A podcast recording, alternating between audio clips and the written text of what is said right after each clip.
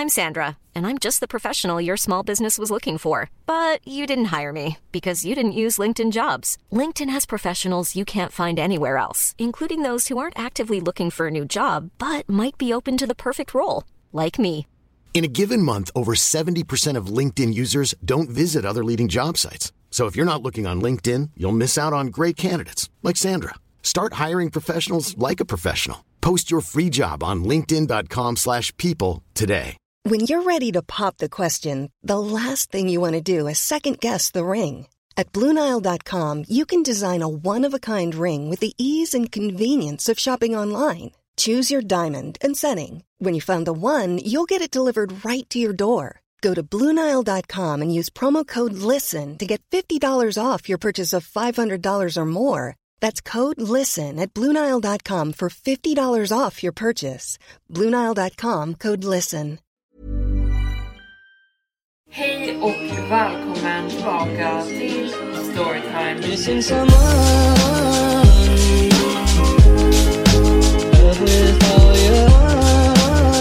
Varmt välkomna tillbaka till Storytime-podden med mig Evelin Blomfelt.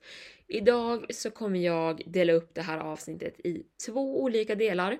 Där jag börjar med en längre stalker-berättelse och sen avslutar med flera korta berättelser som kommer ifrån min TikTok-kanal. Eller min TikTok-sida kanske man säger. I alla fall, vi ska sätta igång med avsnittet. Den röda minivanen som stakade oss i över ett halvår år 2006. Jag har delat med mig några berättelser här förr. Men nu kommer den värsta av dem alla som stört mig mest under åren. Det hände för flera år sedan, ungefär när jag var 13 eller 14 år. När jag var en ung tonåring, på hösten av 2006, så blev jag, min familj och våra grannar trakasserade och var med om flera bisarra möten med en äldre man i en mörkröd minivan. På den tiden bodde jag och min familj på en kulle över en gammal övergiven fiskeby. Den lilla byn låg ungefär 40 minuters bilväg bort från den större staden. Och om man svängde av från motorvägen mot våran by så var det en återvändsgränd. Det fanns ingenting mer här, bara byn där vi bodde.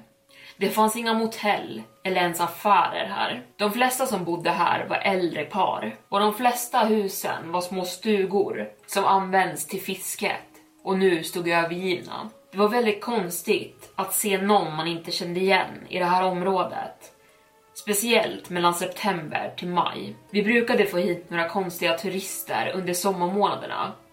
Men aldrig på hösten fram till våren. När jag gick i lågstadiet, varje dag när jag klev av skolbussen, brukade jag gå upp till våran brevlåda. Det tog ungefär 15 minuter att gå från motorvägen dit och brevlådan låg längs med vägen som ledde mot staden. Bortom mitt hus fanns det bara åtta andra hus och de låg alla på samma sida av vägen som mitt. Och efter de husen så var det bara tjock skog så långt öga kunde nå. Jag brukade kalla det här området Silentville istället för Silent Hill. Vi låg precis i utkanten av östkusten, precis vid havet. På grund av det så låg den här byn i en tjock dimma de flesta dagarna. Och det var väldigt ovanligt att vi hade soliga dagar överhuvudtaget. Till och med när det var soligt i staden som låg nära var det fortfarande dimmigt hos oss. Ibland var dimman så tjock att man knappt kunde se några meter framför sig. Hur som helst. En eftermiddag efter skolan, medan jag gjorde min vanliga tur till brevlådan, hörde jag det brummande ljudet av ett fordon som närmade sig. Jag gick alltid mot trafiken eftersom att min mamma skulle få ett anfall om jag inte gjorde det. Säkerheten först, trots allt. Den kröp mot mig och den strålkastare penetrerade dimman framför sig. Den körde nästan bara 5 km i timmen eller något, vilket var väldigt konstigt med tanke på att fartgränsen här var 70. Minivanen stannade tvärt några meter bort från mig, bara tvärstannade mitt i vägen. Jag fortsatte gå mot den och jag tänkte att det var någon som var vilse och behövde vägledning. När jag närmade mig fönstret på bilen kunde jag se en äldre man som satt i förarsätet. Han var ganska litet byggd, med gråa hårtussar utspridda över nästan skalligt huvud. Hans ögon var vattniga och hade en gråblå färg. Hallå unga dam, sa han i en väldigt mjuk röst. Hej, svarade jag och han började typ småprata med mig. Jag minns verkligen inte vad vi pratade om, men vi pratade ganska vardagligt. Jag la märke till att han hade en liten vit fluffig hund i sitt passagerarsäte. Men det som verkligen fastnade med mig som märkligt var hundens kroppsspråk. Den här äldre mannen rörde sin hand väldigt mycket när han talade och varje gång han rörde den snabbt så ryckte hans hund till och tryckte sig längre in i sätet som att den var rädd för honom. En annan konstig sak, att han alltid hade sin ena hand mellan sätena och jag kunde avgöra att det såg ut som han höll någonting i den. Någonting metalliskt. Efter han pratat med mig en stund vände han sakta bort sitt huvud och körde därifrån. Bort mot staden. Jag ryckte på axlarna och tänkte bara att han var en släkting till någon som bodde i byn och fortsatte sen gå hem. Ungefär en vecka passerade utan att jag såg honom igen och vid det laget var det bara ett minne. Jag var då på väg upp till brevlådan igen när jag hörde det bekanta ljudet av en bilmotor komma körandes nerför vägen mot mig. Han igen, tänkte jag för mig själv. Jag kände ett litet obehag av honom. Så jag bestämde mig för att hoppa ner i diket och gömde mig snabbt bakom en buske. Jag såg på medan han krypkörde förbi och hela tiden såg han sig omkring och observerade som en jägare på jakt efter ett byte. Efter att han hade kört iväg och jag inte hörde hans bil längre hoppade jag fram från diket och skyndade mig fram till brevlådan. De sista sex minuterna av stigen fram till brevlådan har inga hus i närheten och är väldigt isolerad. Och efter jag fått tag i breven började jag skynda mig tillbaka och det var då jag sprang in i honom igen. I den värsta tänkbara delen. Den långa biten som inte hade några hus alls. Den här gången körde han upp för vägen ganska snabbt och jag hade inte tid att gömma mig nu. Han körde upp bredvid mig och sa sen Hallå kära, varför var du nere i diket tidigare? Åh skit, tänkte jag. Han hade sett mig. Åh, jag trodde jag såg en katt där nere, svarade jag snabbt. Jaså, du gillar söta djur va? Du kan hoppa in i baksätet och gosa med min valp.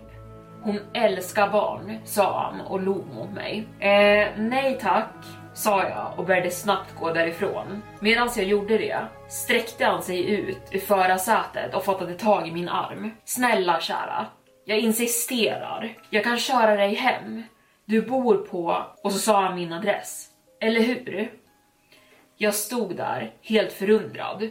Hur visste han vilket hus jag bodde i? Jag skakade av med honom och började springa och han började backa snabbt efter mig. Jag kutade ner den sista biten av vägen och såg inte bakåt en enda gång. Och vid den här tidpunkten bodde min faster några hus bort längs vägen jag bodde på, men närmare brevlådan. Så jag sprang upp för hennes uppfart och började frenetiskt banka på hennes ytterdörr. Hon kom snabbt och öppnade dörren för mig och släppte in mig. Jag använde hennes telefon för att ringa min mamma och be henne komma och hämta mig. Efter vi kom hem berättade jag allting för henne. Och hon var väldigt upprörd och vi ringde polisen direkt. De sa i princip åt oss att de inte kunde göra någonting eftersom att vi inte visste vad bilen hade för registreringsskylt. Och efter det var jag inte längre tillåten att gå ut själv på promenader. Han fortsatte att dyka upp, oftast två gånger i veckan. Precis efter min skolbuss släppte av mig så brukade han komma körandes ner för vägen. En gång frågade min granne honom vad han höll på med och han svarade då Åh, jag är bara en gammal ensam gentleman. Jag fick syn på en kvinna nerför vägen här som jobbade i sin trädgård. Och hon bara fångade mitt hjärta. Min granne sa då irriterat att hon var gift. Och han hade då bara skrattat och sagt något i stil med om man vill att kärlek ska fungera så måste man jobba för det. Sen hade han kört iväg. Min granne hade dock skrivit upp hans registreringsskylt och ringt polisen. Ungefär 40 minuter senare hade polisen anlänt till våran gata och då hade han varit borta för länge sedan. Våran granne hade då vinkat över polisen och pratat med dem och de hade talat om för honom att den här minivanen hade anmälts som stulen för flera månader sedan. Någon gång i november var mina föräldrar ute i trädgården och arbetade. Då hade han kört upp och stannat precis vid våran gård och frågat mina föräldrar vart jag var. Han hade sagt att han saknade våran tid tillsammans och att han kände sig bortglömd. Mina föräldrar blev såklart vansinniga av det här och jagade bort honom. Några dagar senare var jag uppe sent på natten och spelade Xbox nere i källaren. Källaren ligger en liten bit under markplan och har fönster ut mot trädgården och vägen. Jag har oftast gardinerna öppna för jag tycker om att se upp mot stjärnhimlen utanför. Människor kunde förmodligen till och med se mig utifrån där jag satt och spelade eftersom att fönstret var riktat mot gatan. Så där var jag upplyst av tv-skärmen, uppkrupen i min sköna fåtölj och klockan var förmodligen runt två på natten. Och då ser jag strålkastarna komma körandes av den så bekanta minivanen vid det här laget. Jag fryser fast. Den parkerar några meter bort uppe vid vägen, en liten bit bort från våran gård, mellan vårat hus och våran grannes. Det finns en liten uppfart där, där man kan vända bilen och den leder ingenstans. Han stannade sin bil, stängde av den och sen klättrade han ur förarsätet. Jag såg på i skräck medan han kom närmre och närmre vårt hus. Jag var livrädd. Jag tryckte mig bak så hårt jag kunde i fåtöljen för att döljas från gatan och hoppades bara att han inte kunde se mig. Jag ville skrika rakt ut, men mina föräldrar var på övervåningen och de sov djupt. Han gick fram och tillbaka framför vårt hus och bara stirrade. Sen såg jag skuggan av hur han ställde sig och stirrade in i källarplanet. Nu kommer den extremt konstiga biten. Han bara stannade där på stället. Sen la han sig på magen på sidan av vårt hus och han bara låg där i vad som måste ha varit en timme. Medan jag satt fastfrusen av rädsla hela tiden och vågade inte röra på mig. Efter ungefär en timme ställde han sig äntligen upp och gick tillbaka till sin bil och åkte därifrån. Jag sprang upp för trapporna gråtandes, väckte mina föräldrar och berättade vad som hänt. De ringde polisen igen, men han var såklart borta vid laget de dök upp. Vi alla var frustrerade och polisen, trots att de nu hade hans registreringsnummer, kunde inte göra någonting åt situationen. Och den här mannen fortsatt komma tillbaka, trakassera och stalka oss och skrämma livet ur våra grannar. Och det här fortsatt ända till mars. Ungefär en månad hade då gått utan att någon hade sett till honom. Och det var då vi fick nyheterna. Vår granne som var väldigt bra vän med en annan granne som bodde längre bort på en lite mer avskild väg i vårt område hade varit på väg till den här grannens hus när han fått syn på den röda minivanen parkerad på en uppfart vid ett hus som just hade gått upp till salu. Ingen bodde alltså där för tillfället. Han hade fyllts av ilska när han fått syn på bilen som trakasserat oss alla och sprungit fram till den. När han kom närmre märkte han att det fanns blod på passagerarsidans fönster. Han gick då till närmaste hus och ringde 112 direkt. Sen gick han tillbaka till bilen för att undersöka saken närmare. Han var ganska modig och han var någonting av en grannskapsvakt. Bildörrarna stod olåsta. Han såg in i bilen och fick syn på den lilla hundens kropp. En plånbok som hade ett ID-kort och en blodig skiftnyckel som låg mellan de två sätena i fram. Han gick därifrån och väntade på att polisen skulle komma till platsen och efter det höll han kontakten med polisen för att se vad de fick reda på. Det visade sig att mannen hade lämnat i en brådska och lämnat sitt ID-kort bakom.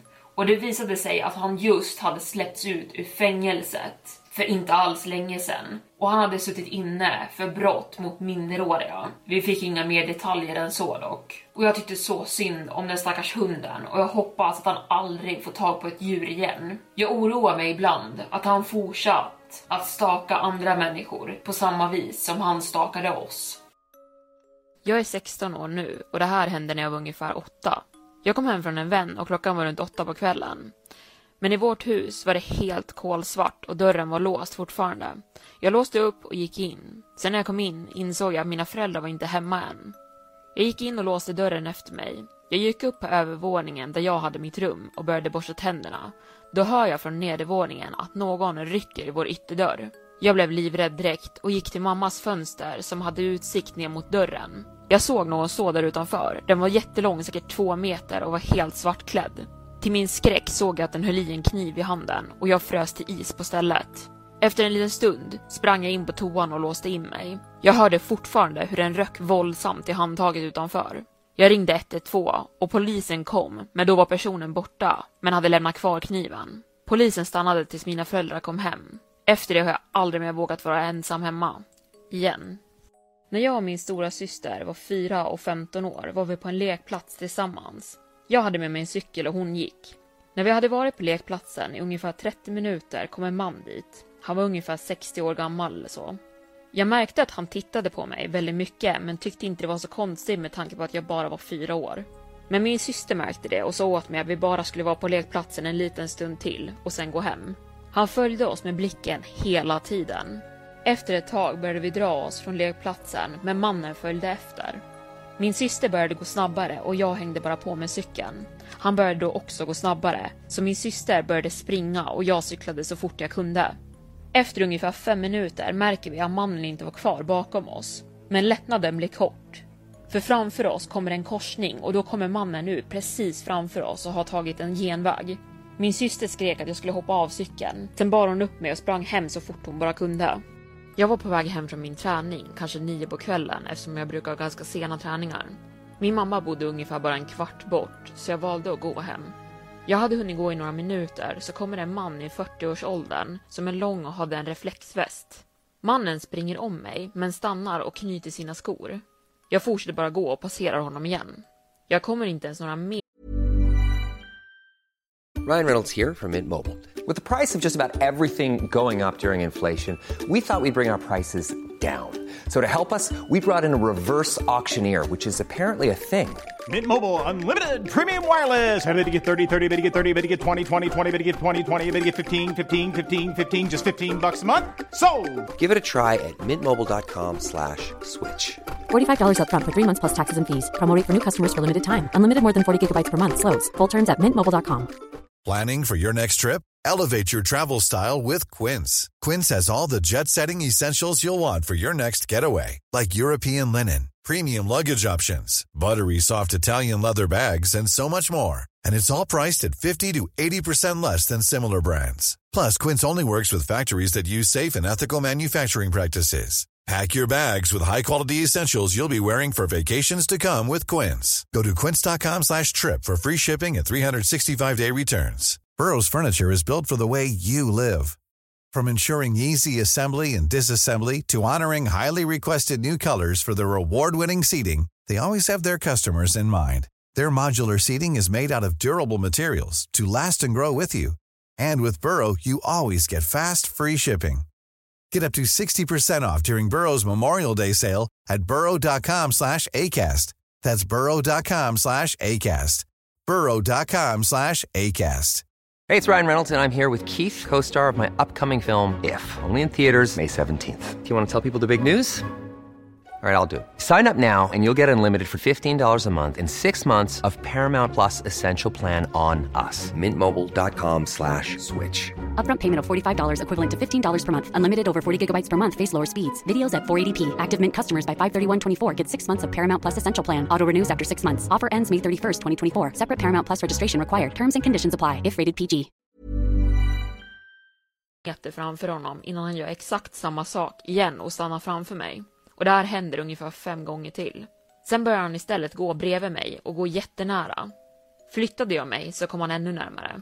Jag börjar känna obehaget och börjar springa och han gör detsamma. Till slut börjar han komma ikapp mig och jag får panik. Han börjar rota i sina fickor efter någonting och jag drar upp min telefon direkt. Jag börjar ringa mina vänner men ingen svarar. Nu springer jag med gråten i halsen för mitt liv. Till slut ringer mamma upp mig. Sekunden jag svarar och börjar prata med mamma springer han åt motsatt håll. Jag tar mig hem och nu för tiden möter mamma alltid mig. En dag när jag var ensam hemma så satt jag och kollade på min telefon som vanligt och ser en vänförfrågan på Facebook. Jag accepterar den och tänker inte så mycket mer på det. Sen går jag och gör mat till mig själv och så har jag massa plingande på telefonen och när jag kollar så är det från Facebook. När jag kollar vem det är som skriver till mig så är det den här mannen som ser ut att vara i 30-årsåldern. Han har skickat massa bilder på sig själv och sitt barn ser det ut som. Han har också skrivit hej flera gånger och jag svarar inte. Eftersom att jag aldrig brukar svara när främmande människor skriver till mig. Men Sen ser jag hur han skriver att han bor i samma stad som mig och då blir jag direkt orolig. Jag ignorerar det här och några veckor passerar. Det är nu sent på kvällen och jag var hemma med bara min storebror och hör bankande och knackande på ytterdörren. Vi har ett fönster vid köket och om man kollar ut där kan man se vem som står vid dörren. Där ute står en man och ger mig en kall blick och jag ser direkt att det är mannen från Facebook. Jag säger åt min bror att ringa polisen. De har fortfarande inte hittat han. Jag och min kompis satt på bussen och när jag tog upp min mobil och kollade på den såg jag att någon hade lagt till mig på Snapchat. Jag tänkte inte så mycket mer på det och la tillbaka min telefon i fickan. Men när vi var hemma hos min kompis sen så började vi prata om det och vi tänkte att det skulle varit roligt att lägga till henne tillbaka för att skriva med någon random person. Men när jag accepterar hennes förfrågan ser jag att hon har skickat massor av bilder till mig. Vi öppnar dem och ser att hon är utan kläder. Och sen kommer videos när hon står i underkläder. Jag och min kompis blir direkt lite rädda och bestämmer oss för att ta bort henne. Men hon lägger till mig direkt igen och börjar säga saker i videosarna. Som att vi ska hjälpa varandra och började kalla mig för babe. Jag och min kompis blev rädda och blockerade henne.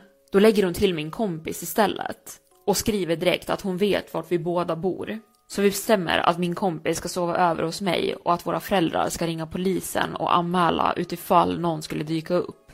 Sen blockerade vi henne. Jag bor i Kalmar och jag och min familj hade precis flyttat in i ett nytt hus som låg väldigt nära min skola. Ungefär en kvart att gå. Min cykel var trasig så jag skulle gå hem från skolan. Jag hade ingen mobil med mig i skolan så fritidset fick ringa min pappa och säga till när jag skulle gå hemåt. Jag börjar gå och jag känner ganska snabbt att någon tittar på mig. Jag vänder mig om och kollar mot de gula lägenheterna. Jag ser en man som har brunt hår och en kritvit jacka. Han kollar intensivt mot mig och sen kollar han ner i sin mobil. Jag fortsätter gå och ser efter en stund att han har börjat följa efter mig. Jag ökar takten och då gör han det också. Jag stannar när jag kommer till ett hus där det finns massa hundar på gården som skäller och drar uppmärksamhet till sig. Då kommer han också fram till mig och stannar och frågar om jag vill följa med honom hem. Jag svarar inte utan börjar istället springa och han börjar springa efter mig. Eftersom att det var närmare till skolan än hem så springer jag dit istället. Kommer in gråtandes till personalen och de ringer min pappa som kommer och hämtar mig. Efter det jag aldrig vågat gå ut utan min mobil. Jag och min stora syster var i affären för att köpa snacks.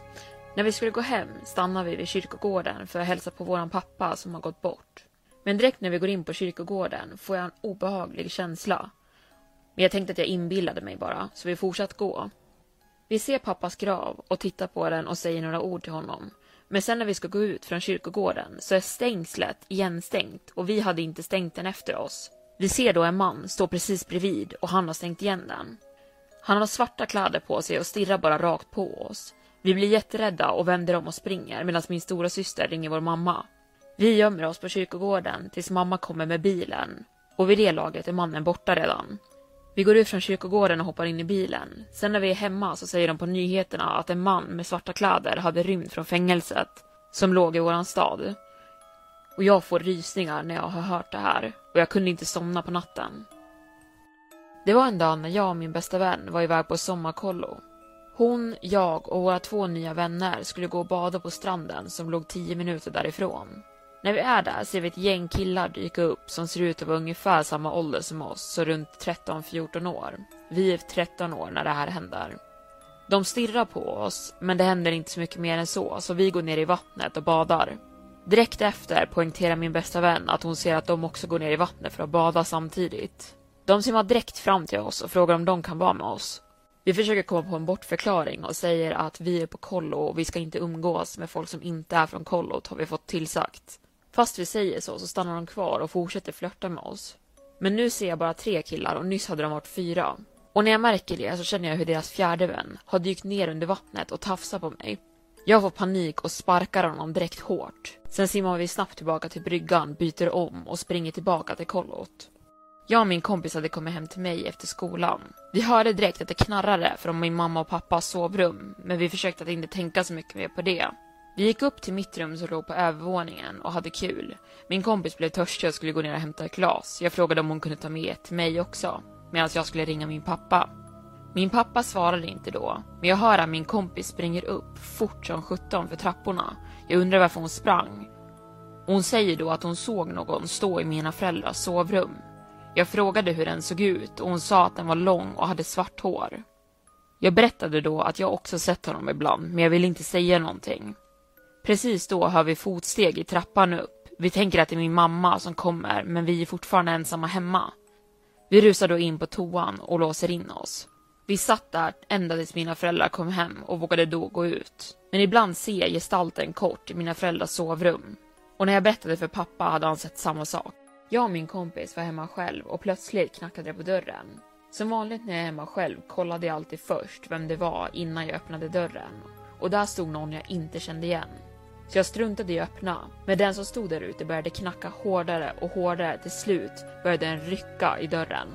Sen såg vi hur den gick till baksidan och kollade om dörren var öppen där. Då ringde vi direkt våra föräldrar i panik och de sa att det säkert var en försäljare för att lugna ner oss. Vi gick in på mitt rum och före det stängde vi alla dörrar och fönster. Vi kollade ut ur mitt fönster och såg att den där människan gick förbi igen. Och vi gömde oss ett tag, tills den var borta. När vi var säkra på att den var borta gick vi till ICA för att köpa godis. Men det kändes obehagligt hela tiden när vi var där. Efter att vi handlat gick vi till en lekpark som låg nära. Helt plötsligt kom det en skåpbil, körde upp och öppnade dörrarna. Ut ur dörren kliver samma person som varit utanför mitt hus. Vi börjar springa i panik medan vi ringer våra föräldrar och de kommer och hämtar oss. En gång när jag och min kompis hade varit och shoppat i Vällingby centrum så skulle vi ta bussen hem och det var första gången vi gjorde det så vi visste inte vilken buss vi skulle ta.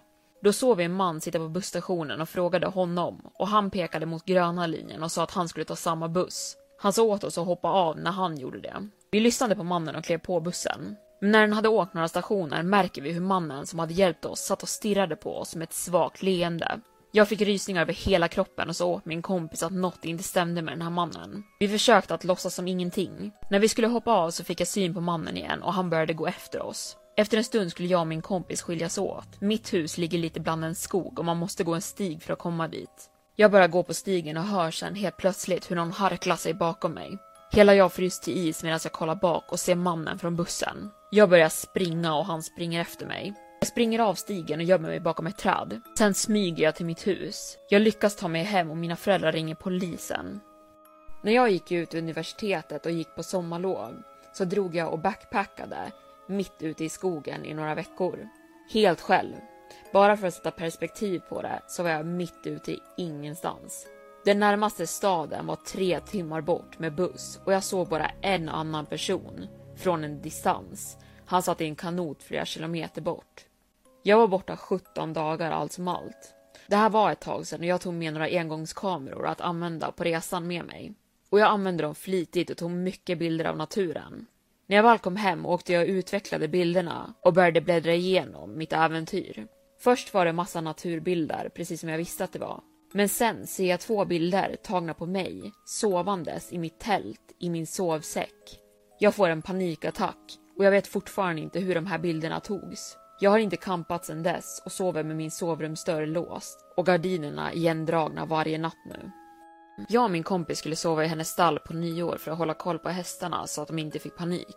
Runt tolvtiden på dagen så är vi och handlar mat och så vidare. Vi ser en man stirra på oss men vi tänker inte så mycket mer på det. Senare på kvällen vid åtta tiden blåser vi upp våra madrasser och fixar i stallet. Jag tänker att någonting är fel men jag vet inte vad. När folk har börjat smälla raketer var vi inne i stallet och kollade till hästarna och de var lugna. Både jag och min kompis hör då en manlig röst som säger det här är slutet för er. Vi blir superrädda och springer till rummet vi ska sova i och låser in oss. Vi ser genom fönstret en man som går runt med kniv runt stallet. Han får syn på oss och börjar banka mot glaset och säger att vi ska komma ut. Vi ringer till min kompis mamma och hon kontaktar polisen direkt. Det visade sig att mannen hade rymt från en psykanstalt, fått syn på oss i mataffären och sen följt efter oss hela dagen ända till stallet. En gång när jag skulle gå och lägga mig så stod jag vid min säng och skrev med mina kompisar på mobilen. När jag skulle lägga undan min telefon på nattduksbordet så ramlade den ner på golvet och åkte in under sängen en bit. Jag böjde mig ner och skulle kolla in under sängen, men då stannade mitt hjärta. Någon låg under min säng och jag blev så rädd så jag kunde inte röra mig eller ens andas. Det kändes som att jag satt så i flera timmar för jag var så rädd, men när jag äntligen kom ur min paralys och blinkade Då var det borta.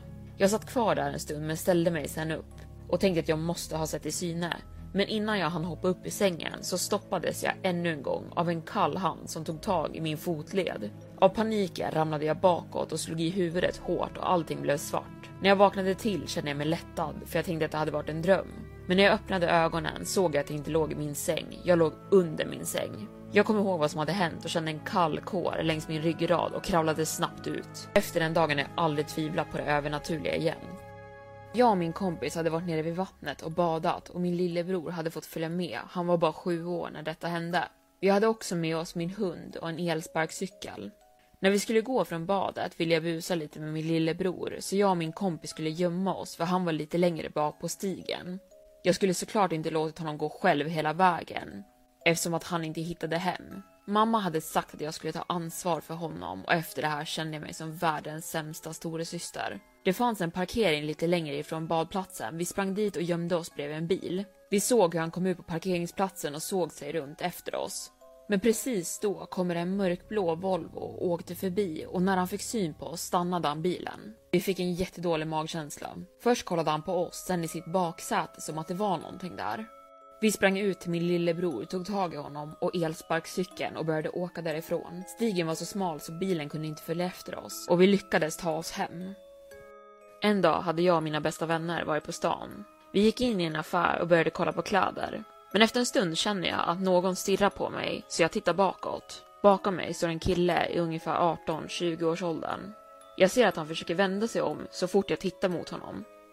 Min ena kompis märker också att han tittar på mig så han gick och pratade med dem som stod i kassan istället för att leka dum. Efter några minuter så har vi hittat några kläder som vi vill testa. Jag står inne i omklädningsrummet nu och har testat tre av fyra kläder. Då är det dags att testa det sista.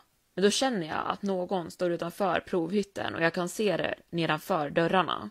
Jag tänker direkt att det är någon av mina kompisar som väntar och jag står där halvnaken. Men då ser jag att hytten till provbåset öppnas.